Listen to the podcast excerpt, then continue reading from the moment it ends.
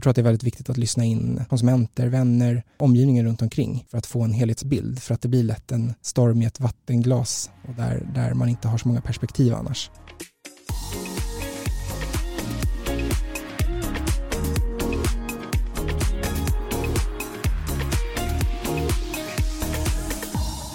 Hur tusan känns det när hela ens varumärke blir totalt söndertrasat bokstavligen över en natt? Hur allt man byggt upp under flera års tid raseras på grund av en enda persons handlingar? Några som vet hur det är är cheferna på Evanoff Group som äger det numera utraderade varumärket Paulos. Det här ska vi prata mer om idag. Jag heter Jasmine Winberg. Och jag heter Amanda Törner och du lyssnar på Insiktspodden. Välkommen!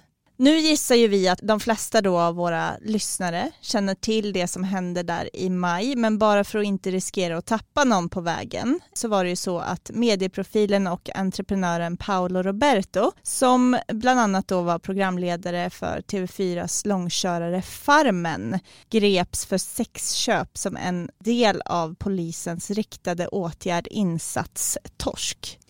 Ja, och han erkände ju också att han valt att köpa sex av en kvinna från ett av Europas fattigaste länder i en lägenhetsbordell på Östermalm i Stockholm och valde sedan självmant att träda fram i en intervju med TV4. Och den intervjun var ju milt uttryckt plågsam att se. Den var ju ganska ja. klickad på när den kom. Det blev en stor skandal och startskottet också för en intensiv diskussion om sexköp i Sverige. Men det blir också startskottet av slutet för varumärket Paulos som säljer italienska livsmedelsprodukter. Paolo Roberto han grundade det här varumärket 2012. Det blev sedan uppköpt av Evanoff Group 2017. Sedan dess har ju Paolo Roberto inte haft speciellt mycket med det att göra annat än att han har varit ansiktet utåt för det och varumärket har burit hans namn. Men bara några timmar efter att Paolo Roberto trätt fram i media så stoppar livsmedelskedjorna Axfood, Ica, Coop och Bergen Sköndals som äger Citygross alla beställningar av företagets produkter. Och på sociala medier uppmanar många till bojkott av varumärket. Ja, och det var nog inte så många som vågade sig fram till hyllan med Paulos produkter därefter, tänker vi. I alla fall inte de som tänkte på sitt eget varumärke då. Varumärket blev på ett kick i princip utraderat. Jag undrar, har vi någonsin sett den här typen av skandal drabba ett svenskt varumärke? Alltså att bli så sammankopplad med sexköp. Det är svårt att tänka sig något med en liksom mer smutsig känsla över sig. Alltså jag har funderat men jag kommer faktiskt inte på något, inget liknande fall som Nej. det här. Går det att överleva en skandal som den här? Och vilken typ av krishantering krävs i så fall för att rädda varumärket? Idag ska vi prata om det här med Ken Nygren som är marknads och varumärkeschef på Evanoff Group. Välkommen hit! Tack, kul att vara här. Vi tänkte börja med att fråga hur det känns för dig att vara här och prata om det här idag. Ja, det känns ju roligt att få prata om vad som har hänt samtidigt som det är lite dubbelt, för jag hade ju gärna varit här av någon annan anledning egentligen. Men det känns skönt att, att få tiden att berätta hur det låg till och sådär. För jag tror att många som mer har sett det i Aftonbladet har inte fått hela bilden kanske. Ni har ju inte pratat jättemycket offentligt sedan den här krisen briserade.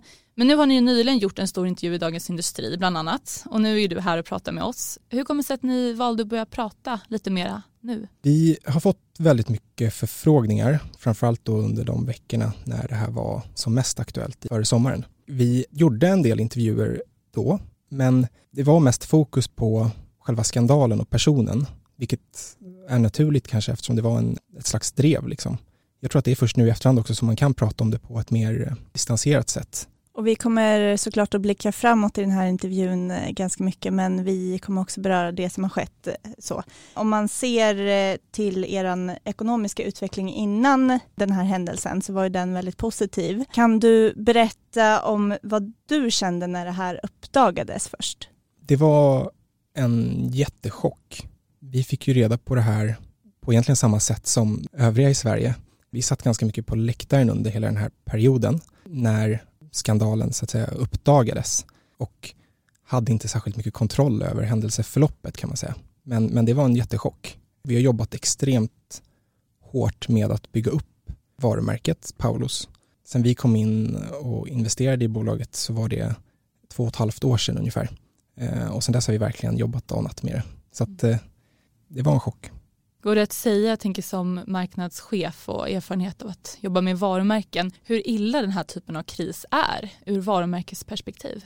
Jag skulle vilja skilja på det för att varumärket egentligen hade ju ingenting med saken att göra om vi tar livsmedelsvarumärket. I det här fallet så hänger väldigt mycket av händelseförloppet på hur, hur huvudpersonen i det här dramat krishanterade själv runt omkring sin person och sen fick det följdeffekter på de olika företag som fanns runt omkring där han var involverad.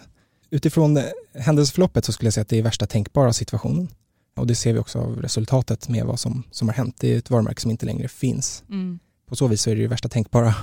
Och hur ser du då på Paolo Robertos krishantering med tanke på det du sa här att hans egen hantering spillde över på varumärket? Jag läste någon krönika eller någon debattör som, som beskrev det som krishanteringens Tjernobyl och det kändes väldigt träffande på något sätt. Det är tydligt. Eh, ja, men det är väldigt tydligt och hårt. Men eh, jag är ganska mycket för att kalla en spade för en spade. Och jag gissar att många som jobbar med marknadsföring och kommunikation frågar sig, alltså hur börjar man ens krishanteringen när man drabbas av något sånt här? Liksom, I vilken ände börjar man ens? I vårt fall så som bolag så försökte vi få kontroll så gott det gick över situationen. Som jag nämnde tidigare så satt vi ganska mycket på läktaren och kunde inte göra så mycket när huvudpersonen själv regisserade sin egen krishantering. Vi var ingen del av hur han hanterade det. För oss handlade det mycket om att få koll på läget, vara väldigt transparenta och eh, tillgängliga för våra kunder, även för media som hörde av sig mm. och var intresserade av vår syn på det. Även konsumenter och, och, andra som var intresserade att vara tillgängliga, transparenta med det vi visste och det vi kunde svara på. Mm. Men det var ju väldigt mycket fokus på personen mm. eh, där och då. Så att, och där hade inte vi så mycket att tillägga mer än att vi hade avslutat samarbetet i ett väldigt tidigt skede. Mm. Så fort vi egentligen fick reda på vad det var som hade hänt och fick, fick klarhet i vad, vad som hade skett. Men var det självklart för er att vara transparenta där? För när man drabbas av något sånt här, det är lätt att man, blir, man sluter sig, man blir rädd. Hur resonerade ni där inledningsvis? Vi kände allihopa i ledningen att vi har egentligen ingenting med det här att göra som bolag. Vi har ingen skuld i det här som har hänt, vilket annars kanske är fallet i en kris som man hanterar som bolag, att man har, har gjort någonting fel och så. Men i det här fallet så kunde vi allihopa känna att vi, vi har inte gjort något fel. Det underlättar nog att man kan vara transparent och ärlig, att man mer vill, vill få, fram att, få fram sanningen egentligen. Mm.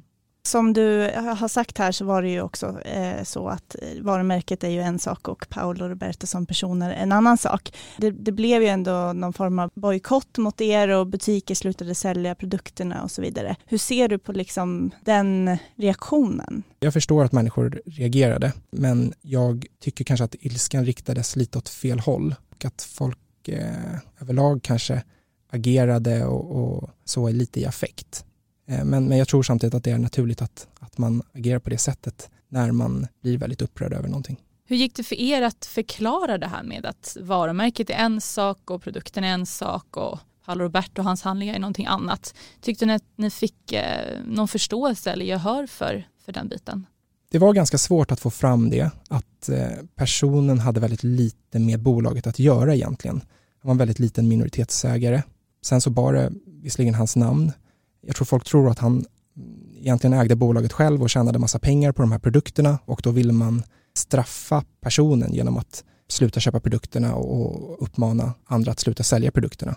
När det väl kom fram att, att vi, eller vår del i det och personens del i det så fick vi väldigt mycket positiv respons istället och då började poletten trilla ner att nu kommer inte vi kunna köpa de här produkterna som vi egentligen vill ha. Så då blev det väldigt mycket mejl och samtal till vår kundtjänst med människor som hörde av sig och, och var arga över att produkterna inte skulle finnas längre. Men det var ju någonstans ett resultat av den här väldigt starka reaktionen som kom tidigt, eh, att man bara ville ha bort det. Ja men och apropå det att folk ändå verkade tycka om produkterna. Nu om jag förstått det rätt så har ni ju planer på att göra en återlansering av, av varumärket och bland annat byta namn. Och det där tror jag många är nyfikna på. Berätta lite hur resonemanget går hos er just nu kring möjligheten att återlansera. Eh, vi har jobbat med det sedan eh, ja, några månader tillbaka eh, och vi, vi bestämde oss ganska tidigt att vi vill försöka lansera ett nytt varumärke med en liknande inriktning. Det finns ju ett väldigt stort intresse för italiensk mat och vi tycker att vi hade väldigt bra produkter som fyllde en, ett hål i marknaden kan man säga. ja, vi började konstatera ganska tidigt att vi, vi skulle tillbaka, eller hade det som ambition. Eh, och sen har vi jobbat med att sätta en ny strategi, såklart komma på ett nytt namn, eh, där vi har jobbat tillsammans med en byrå som vi kommer presentera början av nästa år. Så mm. det, är, mhm. det är faktiskt inte riktigt klart än, så det finns inget färdigt namn som jag kan ge er nu, men Nej. det kommer komma. Fanns det liksom någonstans med i beräkningen någonsin att eh, ha kvar varumärket? Dess eh, tidigare form så att säga? Nej, det Nej. gjorde det inte, Nej. utan eh, namnet vart ganska förbrukat mm. i och med den här händelsen. Mm. Det hade inte gått att reparera det så att säga? Nej, jag har väldigt svårt att se hur det skulle ha gått till. Sen så tror jag att man hade kunnat gjort det, själva utfasningen av namnet, eller ett namnbyte hade kunnat ske mer under kontrollerade former än vad, vad som skedde. Men eh, att behålla namnet och fortsätta som att ingenting hade hänt, det hade, det hade inte känts bra heller för oss. Ja, och apropå det lite att inte kunna fortsätta som ingenting hänt. Hur ser du på det här att kommer ni på något vis behöva beröra i er kommunikation framöver när ni lanserar ett nytt varumärke? Vad som hände med Paolo Roberto eller hur ser du på det där? Vi kommer lägga det ganska mycket bakom oss och jag ser inte att det kommer vara en del i kommunikationen för det nya varumärket. Det som har hänt har hänt eh, och vi ser det lite som en ny start. Även om vi tar med oss väldigt mycket lärdomar såklart och eh, efter att ha jobbat med italiensk mat och italienska produkter under, under flera år. Mm. Så tar vi med oss mycket av det som är bra, men, men det som är mindre bra vill vi gärna lämna bakom oss. Influencer marketing då, vilket man kan ju koppla lite grann till det, eh, som, den rollen som Paolo hade för det här varumärket, har ju vuxit i, i liksom rekordfart och det har också skett historiskt sett en hel del samarbeten som har gått snett på olika sätt. I ert fall då så var ju Paolo Roberto kanske ännu mer kopplat till varumärket. Hur ser du liksom på personkulten som finns i varumärkesvärlden just nu? Det finns väldigt mycket fördelar med att, att eh, ge en, en riktig själ, eller vad man ska säga, till ett varumärke. Jag tror att det är därför många influencers lyckas väldigt bra med att få människor att känna att det är genuint och äkta. Men det finns ju också väldigt mycket risker med det som man bör ha i beaktning när man eh, sätter sitt namn på en produkt och det, det kommer ju med ett jättestort ansvar och då måste man vara beredd att bära det ansvaret. Precis som en politiker eller en eh, kunglighet kanske. Har ni blivit liksom brännskadade från personkopplingen i ert, för ni har flera varumärken, hur tänker du där? Ja men precis, vi har ju ett annat varumärke som också bär namnet på, på profilen som, som är med och äger och driver företaget. Vi har ett varumärke som heter Seinas eh, som vi har startat tillsammans med eh, Seina Mortada som är en väldigt känd matprofil just nu. Och där är det klart man har reflekterat. Har du också valt att bli egen?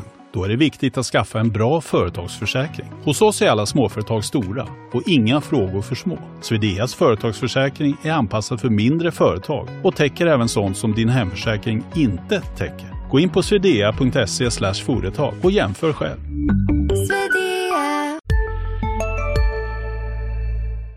Efter det som har hänt, vilka risker finns kopplat till, till det bolaget. Jag tror att man ska ha med sig att Paolo Roberto är och, och, och var en av Sveriges mest kända personer. Är man så känd så, så ökar också riskerna betydligt än om man är en person som är bara känd eller vad man ska säga. I fallet med Paolo Roberto så är han en sån person som det räcker att säga förnamnet på och de flesta tänker på den, den Paolo. Lite som Mona Salin eller eh, vissa andra som också har den kopplingen. Sen, sen om man ska prata om, om den här eh, cancelkulturen eh, eller vad man ska säga som, som är tror jag ett resultat av sociala medier. Att människor agerar väldigt fort i affekt, att saker bara ska bort för att man, man, man känner väldigt starkt där och då. Det tycker jag är någonting som vi behöver prata om. Om vi skulle gå igenom företagsledningar eller anställda på, på massa stora bolag och kräva att det ska inte få vara någon här som har gjort någonting som är fel eller olagligt. Även om det är eh, ett mildare brott eller ett grovt brott så kommer vi hitta mängder av personer som har begått fel. Skulle vi ställa det kravet på alla företag och varumärken att om, om det är någon som har gjort någonting fel så får inte det här finnas längre, då skulle vi inte ha några produkter kvar i butikerna. Det spelar ingen roll om det är en klädbutik eller en matbutik eller eh, någon annan form av butik. Cancerkulturen är ju verkligen någonting som allt fler drabbas av idag. Även inom kultursektorn har vi också sett många exempel på det. Var ni förberedda på att det här kunde hända när krisen briserade hos er? Att det fanns en cancelkultur och att man som varumärke kunde drabbas av det? Nej, vi förstod tidigt att varumärket inte skulle överleva. Men med det sagt så trodde vi inte att det skulle försvinna över en natt på det sättet, att det skulle gå så fort, utan vi mm. trodde att vi skulle få en chans att göra en mer kontrollerad rebranding av varumärket. Eftersom produkterna i sig inte, det var inget fel på dem. Eh, jag tror att det hade varit det bästa. Och i efterhand så tror jag att även andra som, som var en del i, i hela den här cirkusen mm. också hade tyckt att det hade varit bättre mm. egentligen, att göra det på ett mer kontrollerat sätt. Så jag tror inte att vi kanske kommer få se något liknande igen, eller jag hoppas inte det mm. i alla fall. Men tror du varumärken eh, bör ha en, liksom en beredskap för cancelkulturen? Är det någonting man bör ha i åtanke och anpassa sig efter? Jag tycker inte det. Eh, jag tycker att det eh, är en osund kultur och jag tycker inte att vi ska anpassa våra företag och varumärken baserade på rädsla för att allting kan raderas ut. Däremot så ska vi såklart vara medvetna om den kraften som finns i sociala medier och hur det påverkar samhället. Gå runt och vara rädd och inte våga ta risker och inte mm, våga göra saker för att man är rädd för konsekvenserna hela tiden. Det tror jag inte gynnar någon faktiskt. Borde man inte förhålla sig så mycket till sociala medier som liksom varumärke? Det är klart att man ska förhålla sig till, till vad ens kunder och konsumenter säger. Och, eh, ta in såklart överlag vad som händer i samhället i alla kanaler och få en känsla för vad, vad människor tycker och tänker.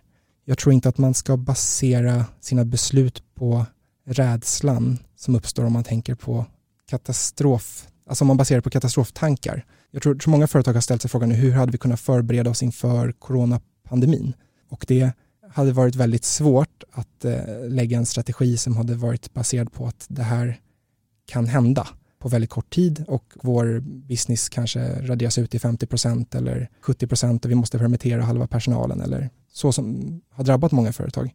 Jag tror att det är jättesvårt att planera på det sättet och jag tycker inte att man, man ska göra det utan oförutsedda saker kan alltid hända och då är det bättre att man får hantera dem utifrån vad som händer där och då. Man kan inte planera för allt. Det är risk att man bara lägger massa tid på dokument som ligger i något skrivbord någonstans. Mm. Men om vi ska blicka framåt lite då, vad, vad, tror du kommer vara avgörande för hur väl ni lyckas återlansera varumärket eller ett, ett nytt varumärke? Jag tror alltid att det viktigaste är att leverera produkter, i vårt fall då, som konsumenterna tycker är bra, som man tycker fyller en funktion i ens vardag. Så det kommer vara nyckeln. Sen är kommunikationen såklart en viktig del och förpackningsdesign och allt som, som kommer runt omkring för att förmedla den känslan som vi vill förmedla kring, kring varumärket. Men i slutändan så är det att, att eh, människor ska tycka att produkten är, är bra att leverera på, på ens förväntningar. Om jag förstår det så var Paolo Roberto del av att ta fram produkterna. Alltså hur lika kommer de nya produkterna vara de som nu är skrotade? Eh, vissa produkter kommer vara väldigt lika. Vad ska man säga? Han har inte varit själv med att ta fram produkterna utan vi har en inköpsavdelning. Vi har flera personer som jobbar med att testa och, och utveckla produkterna och, och, sortimentet om man säger så. Det finns andra som, som har tagit vid ja, jag skulle säga att sortimentet kommer nog bli ännu bättre än vad det var tidigare för att vi har med oss så mycket erfarenhet från att ha jobbat med, med den här kategorin eh, av italiensk mat under en längre tid. Mm. Ehm, så att vi har lärt oss väldigt mycket och, och, vissa produkter kommer vi kanske inte återlansera medan andra är självklara liksom, för att det fanns en väldigt, eh, eller vi var väldigt nöjda med dem. Men man kan säga att de som gillar era produkter kommer ändå känna igen sig framöver? Ja, men det kommer de göra. Ja. Ehm, det kommer alltid vara väldigt hög kvalitet till ett rimligt pris vi försöker ju att jobba med varumärken som eh, riktar sig till en ganska bred massa. Snarare vad produkter man konsumerar måndag till torsdag snarare kanske en fredag till söndag. Vad skulle du säga att du har lärt dig av den här liksom, turbulenta tiden som ni lägger bakom er och som du tar med dig in i framtiden? Jag har lärt mig, eller snarare fått uppleva på riktigt vad som händer när man raserar ett förtroende. När man, om man har läst kommunikation så, så har jag alla hört att det tar, tar jättelång tid och man jobbar varje dag i, flera år med att bygga upp någonting. Eh, men sen så kan det raseras verkligen över en natt. Och det här blir ju lite ett, eh, ett exempel på det, hur det kan gå. Så, så det är ju en erfarenhet att ta med sig och under själva vad ska man säga, krishanteringen så är det väl inte jättemycket som jag var förvånad över. Kriser ser ganska lika ut tycker jag eh, och själva förloppet. I det här fallet så fanns det ju ytterligare omständigheter runt omkring med en person som bedrev ett, e-, en egen krishantering som, som påverkade oss väldigt mycket. Så, att, så att jag tror att det kanske vi inte kommer behöva uppleva igen. Det finns mycket att eh, ta lärdom av i, i hur vi som grupp agerade. Jag tror att vi har blivit ett starkare team också internt efter att man har gått igenom någonting sånt här tillsammans. Vad skulle du säga att det varit för känsla som för din del har dominerat den här tiden? Man kan tänka sig att ni var, ja, du beskrev att ni var chockade, har ni varit arga? Vilka känslor har stått i centrum hos er? Jag tror att det har varit lite olika från person till person. För min egen del så har jag inte varit arg överhuvudtaget skulle jag säga. Eh, jag tror inte att människor, eller jag vill inte tro att människor gör elaka handlingar eller dåliga saker med flit om de känner till konsekvenserna. Utan det är nog snarare att man är lite dum eller inte eftertänksam. Primärt är det nog chockad, en viss tomhet i att det som vi alla hade jobbat med väldigt länge bara försvann över en natt. Mm. Så det är en tomhet mest skulle jag säga. Du har ju varit inne lite på lärdomarna men eh, har du några råd som du kan tänka att liksom andra personer i liknande positioner, nu kanske inte finns någon exakt motsvarighet till det här, men personer som har hand om kommunikation i kriser kan lära sig? Att vara transparent och tillgänglig eh, så gott det går och givetvis inledningsvis försöka få, få en bra överblick över situationen. Vad är det som, som har hänt? Vad är vår del i det? Lyssna in andra. Det blir lätt att man stänger in sig i ett rum och, och så isolerar man sig för att eh, sätta någon krishanteringsplan eller sådär. Men jag tror att det är väldigt viktigt att lyssna in konsumenter, vänner, omgivningen runt omkring för att få en helhetsbild. För att det blir lätt en storm i ett vattenglas och där, där man inte har så många perspektiv annars. Jag tänker också, alltså i de här tiderna är det ju också digitala kanaler framför allt som kunderna kanske vänder sig till. Och de är ju också tydliga på sätt och vis. Alltså hur stor storm var det i era sociala medier? Så hur hanterade ni det? För min del var det lite oväntat. Jag trodde först att vi skulle få väldigt mycket hat. Människor var arga på oss. Det var någonstans eh, drygt 1100 mejl, ett hundratal samtal till kundtjänst och ingen av dem innehåller någon typ av negativitet gentemot oss egentligen. Utan, och det, jag tycker egentligen att det är konstigt. Ja, Folk brukar oväntat. bli arga på, på företag mm. generellt. Vi har fått väldigt mycket stöttning från konsumenter som snarare har blivit arga för att vi inte säljer produkterna. Mm. Och det är inte riktigt vårt eget val, eh, utan vi har ingen att sälja dem till, så därför så finns de inte längre. Mm. Nu är vi inte där riktigt än då, men hur trygga tror du att ni kommer känna er när ni väl gör en ny lansering, eller lanserar det nya varumärket? Jag tycker man ska vara väldigt ödmjuk inför att, att det tar väldigt lång tid att bygga upp en, en kännedom och ett förtroende från konsumenter. Jag, jag är trygg med att vi kommer ha gjort så gott vi kan. Sen så är det någonstans konsumenten som får bedöma om den tycker att det är tillräckligt bra. Det ska bli spännande att följa. Tack så jättemycket för att du kom hit idag. Ja, tack så mycket. Tack för att jag fick komma. Nu är det dags för veckans svep där vi tar upp tre intressanta grejer från veckan som gått. Hur har annonsörerna gjort med medieinvesteringarna under coronapandemin? Ja, det tog vi reda på förra veckan med hjälp av siffror från Sifo över Sveriges 100 största annonsörer. Förvånande nog såg vi att de flesta av annonsörerna faktiskt ökat sina investeringar trots krisen. Fördelningen är eh, närmare bestämt 63-37. Vi snackade bland annat med Cura of Sweden som säljer tyngdtecken. De har ju blivit en eh, riktig eh, succé. Och det som var lite extra intressant var att grundaren Johan Andersson räknade upp en av sina framgångsfaktorer som att han slopat samarbeten med, i hans ord, då, fashionabla byråer. Han sa till oss att han har gjort bort sig flera gånger på grund av samarbeten med den här typen av externa byråer eftersom de har svårt att få tag på sanningsenliga case enligt honom. Vill man veta mer om hur han ser på marknadsföring kan man kolla in artiklarna i Resumé Insikt. Ja, man kanske inte riktigt håller med i hans eh, slutsatser alltid, men, men det är uppfriskande i varje fall med någon som är lite frispråkig och vågar riva till lite grann. Verkligen. Kristina Saliba har ju länge beskrivits som PR-drottning och hon har gjort sig ett namn tack vare offentliga personer som författaren och journalisten Pascal Engman, MMA-fighten Simon Sköld, kändiskonditorn Roy Fares och influensen Viktor Frisk. Och inte minst så blev det mycket snack när den tidigare parhästen Camilla Läckberg bröt med henne bara en månad innan lanseringen av En bur av guld som också blev 2019 års mest sålda bok. De hade då jobbat tillsammans i 13 år och istället så gick Camilla Läckberg vidare med Lilly Assefa som PR-rådgivare. Men nu ska Kristina Saliba enligt vad Resumé erfar ha tappat alla löpande uppdrag för samtliga av de offentliga profilerna. Och själv säger hon att hon jobbar vidare med vissa av dem i projektform och att hon lägger sitt fokus på bolaget Hedda Care. Också det ett projekt hon gjort med Camilla Läckberg. Och ja, fortsättning följer antagligen. Antagligen. Varumärkena inom telekombranschen har de senaste åren knappast varit kända för emotionell varumärkesbyggande reklam. Efter att alla reklamsåpor skrotats har det varit mycket fokus på pris och produkt. Men sen lanserade ju Telia förra året det omtalade konceptet Folknätet. Och nu är tre självkritiska och säger att man satsat för lite på varumärkesbygget. Vdn och kommunikationsdirektören pekar på att det finns ett överanvändande av bilder på norrsken bland annat. Vi är visserligen stora reklamköpare men har blivit lite fega, säger de i en intervju med Resumé och berättar att de sjösätter ett nytt varumärkesbyggande uttag i vår. Ja, vi får ju se vad det blir. Det ska bli spännande och se om det gör jobbet. Men kanske skönjer vi ett trendbrott bland telekomvarumärkena. Kanske det. Och det var faktiskt allt för veckans avsnitt av podden. Och om ni vill, det hoppas vi i varje fall, så hörs vi igen om två veckor. Och tills dess så blir vi såklart som vanligt superglada om ni går in och ger oss ett betyg i podcaster-appen. Vi hörs om två veckor. Det gör vi. Hej då! Hej då!